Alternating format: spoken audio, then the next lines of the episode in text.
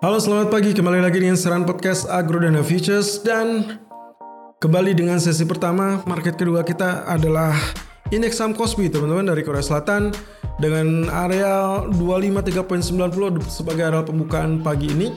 Sementara area tertinggi sempat tercapai adalah 254.95 dan area terendahnya 252.75 So, uh, indeks saham Asia kurang lebih baru tercipta 200 sampai 300 poin range-nya pagi hari ini. Angka yang cukup signifikan dan sangat melelahkan sebetulnya kalau misalkan kita lihat karena biasanya pagi hari selisih 2 jam saja dari arah pembukaan mereka seperti Nikkei di jam uh, 6.45 lalu kemudian Kospi di jam 7 seharusnya di jam 9 lewat 30 ini mereka sudah melejit dengan kencangnya dan biasanya sudah mencapai 500 poin tapi ini kurang lebih saya mencatat ini adalah hari kedua atau hari ketiga kalau tidak salah sebagai range yang cenderung terbatas. I don't know, mungkin mereka lebih lebih menunggu dengan aspek bombastis entah paket stimulus lanjutan atau apa pun ya. Tapi kurang lebih dengan keadaan saya sedikit me, me, me, merelevasikan dengan dengan apa yang terjadi dengan crude oil saya khawatir dengan apa yang terjadi dengan penekanan di crude oil itu berimbas kepada saham-saham energi dan pada ujungnya akhirnya saham atau indeks saham dunia itu cenderung tertahan area kenaikannya. Seperti kita ketahui dalam dalam dalam bursa saham pasti akan ada beberapa perusahaan yang dirilis uh, atau go publish itu uh, salah satunya adalah bidangnya energi. Nah, kalau misalkan kita tahu bahwa ekspor impor sedang mengalami kendala terutama dalam pandemi global seperti ini, lalu kemudian harga crude oil tertekan, otomatis produsen atau dalam hal ini eh, perusahaan-perusahaan yang memproduksi minyak tentunya kalau kalau misalkan yang ekspor eh, atau yang mengimpor itu jauh lebih lebih lebih mudah ya karena harganya relatif murah. Tapi kalau yang yang perusahaan yang mengekspor otomatis ini akan mengganggu keseimbangan kinerja dari laporan keuangan mereka dan itu akhirnya berimbas kepada indeks saham secara keseluruhan. Dan seperti yang Anda lihat di sini, Kospi pun mengalami kenaikan tapi tersendat. Kemarin kita menantikan area 258, sampai detik ini kita belum menemukan area 258. Meskipun pekan lalu 248 itu berhasil ditembus dengan area gap yang terjadi, namun kali ini kalau kita sandingkan, target selanjutnya adalah 258 yang harus ditembus. Jadi masih banyak PR untuk Kospi ini untuk melakukan rally. Well, of course dengan technical yang terjadi meskipun dengan ditutup dengan area uh, bullish candle di tanggal 17 April, namun saya melihat potensinya justru ada tail yang menjuntai ke atas. Saya rasa ini bisa diasumsikan sebagai sinyalmen akan terjadinya tekanan sebetulnya. Meskipun tailnya tidak terlampau panjang ya.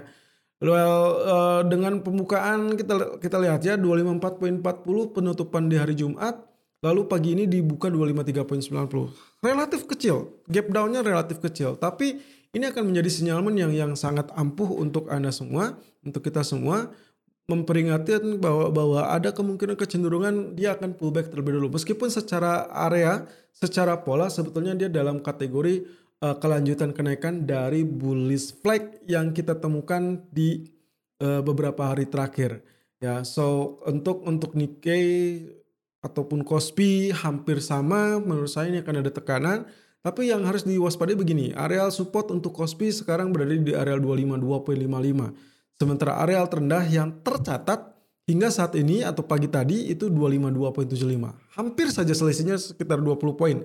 Kalau nanti terjadi penekanan kembali hati-hati kemungkinan dia ambrol ya dan kemungkinan dia akan mengejar kembali areal 248.70 sebagai areal uh, yang sebelumnya menjadi areal uh, resisten sekarang menjadi areal support kuat.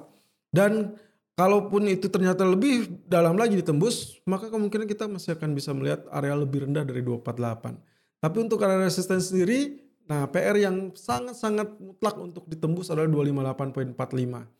Kalau itu berhasil tembus, kita bukan mustahil akan ketemu kembali area 260 ataupun 261. Lalu bagaimana dengan outlook weekly-nya? Outlook weekly-nya sangat meyakinkan. Pekan ini tidak ada sinyalmen untuk kembali terjadi penekanan. Tapi yang terjadi adalah dia akan terkendala karena bergerak di dalam areal-areal atau teritorinya secara historical price ini adalah areal psikologis berarti karena areal tengah teman-teman kalau kita lihat di di, di periode uh, 25 Agustus 2019 itu itu pernah ada areal uh, 250.95 dan juga 258.90 persis dengan apa yang terjadi dengan kali ini 248 kita adalah PR-nya kemarin yang berhasil ditembus dan sekarang PR kedua adalah resisten 258. Jadi kalau selama itu masih ada di situ berarti kemungkinan kita masih akan terlihat uh, dia akan cenderung bolak-balik dan kemungkinan untuk potensi turun ataupun potensi kenaikan relatif sama kekuatannya.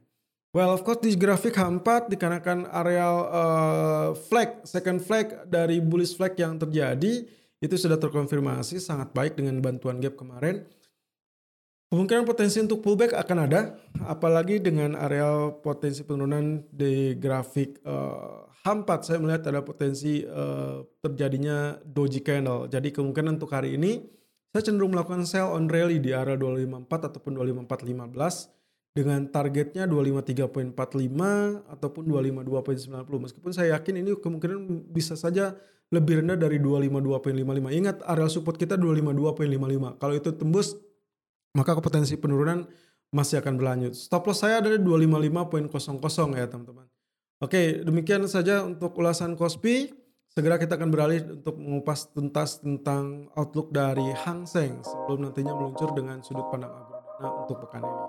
Oke, terima kasih. Selalu gunakan stop loss dan risk management sesuai dengan equity dan strategi trading Anda.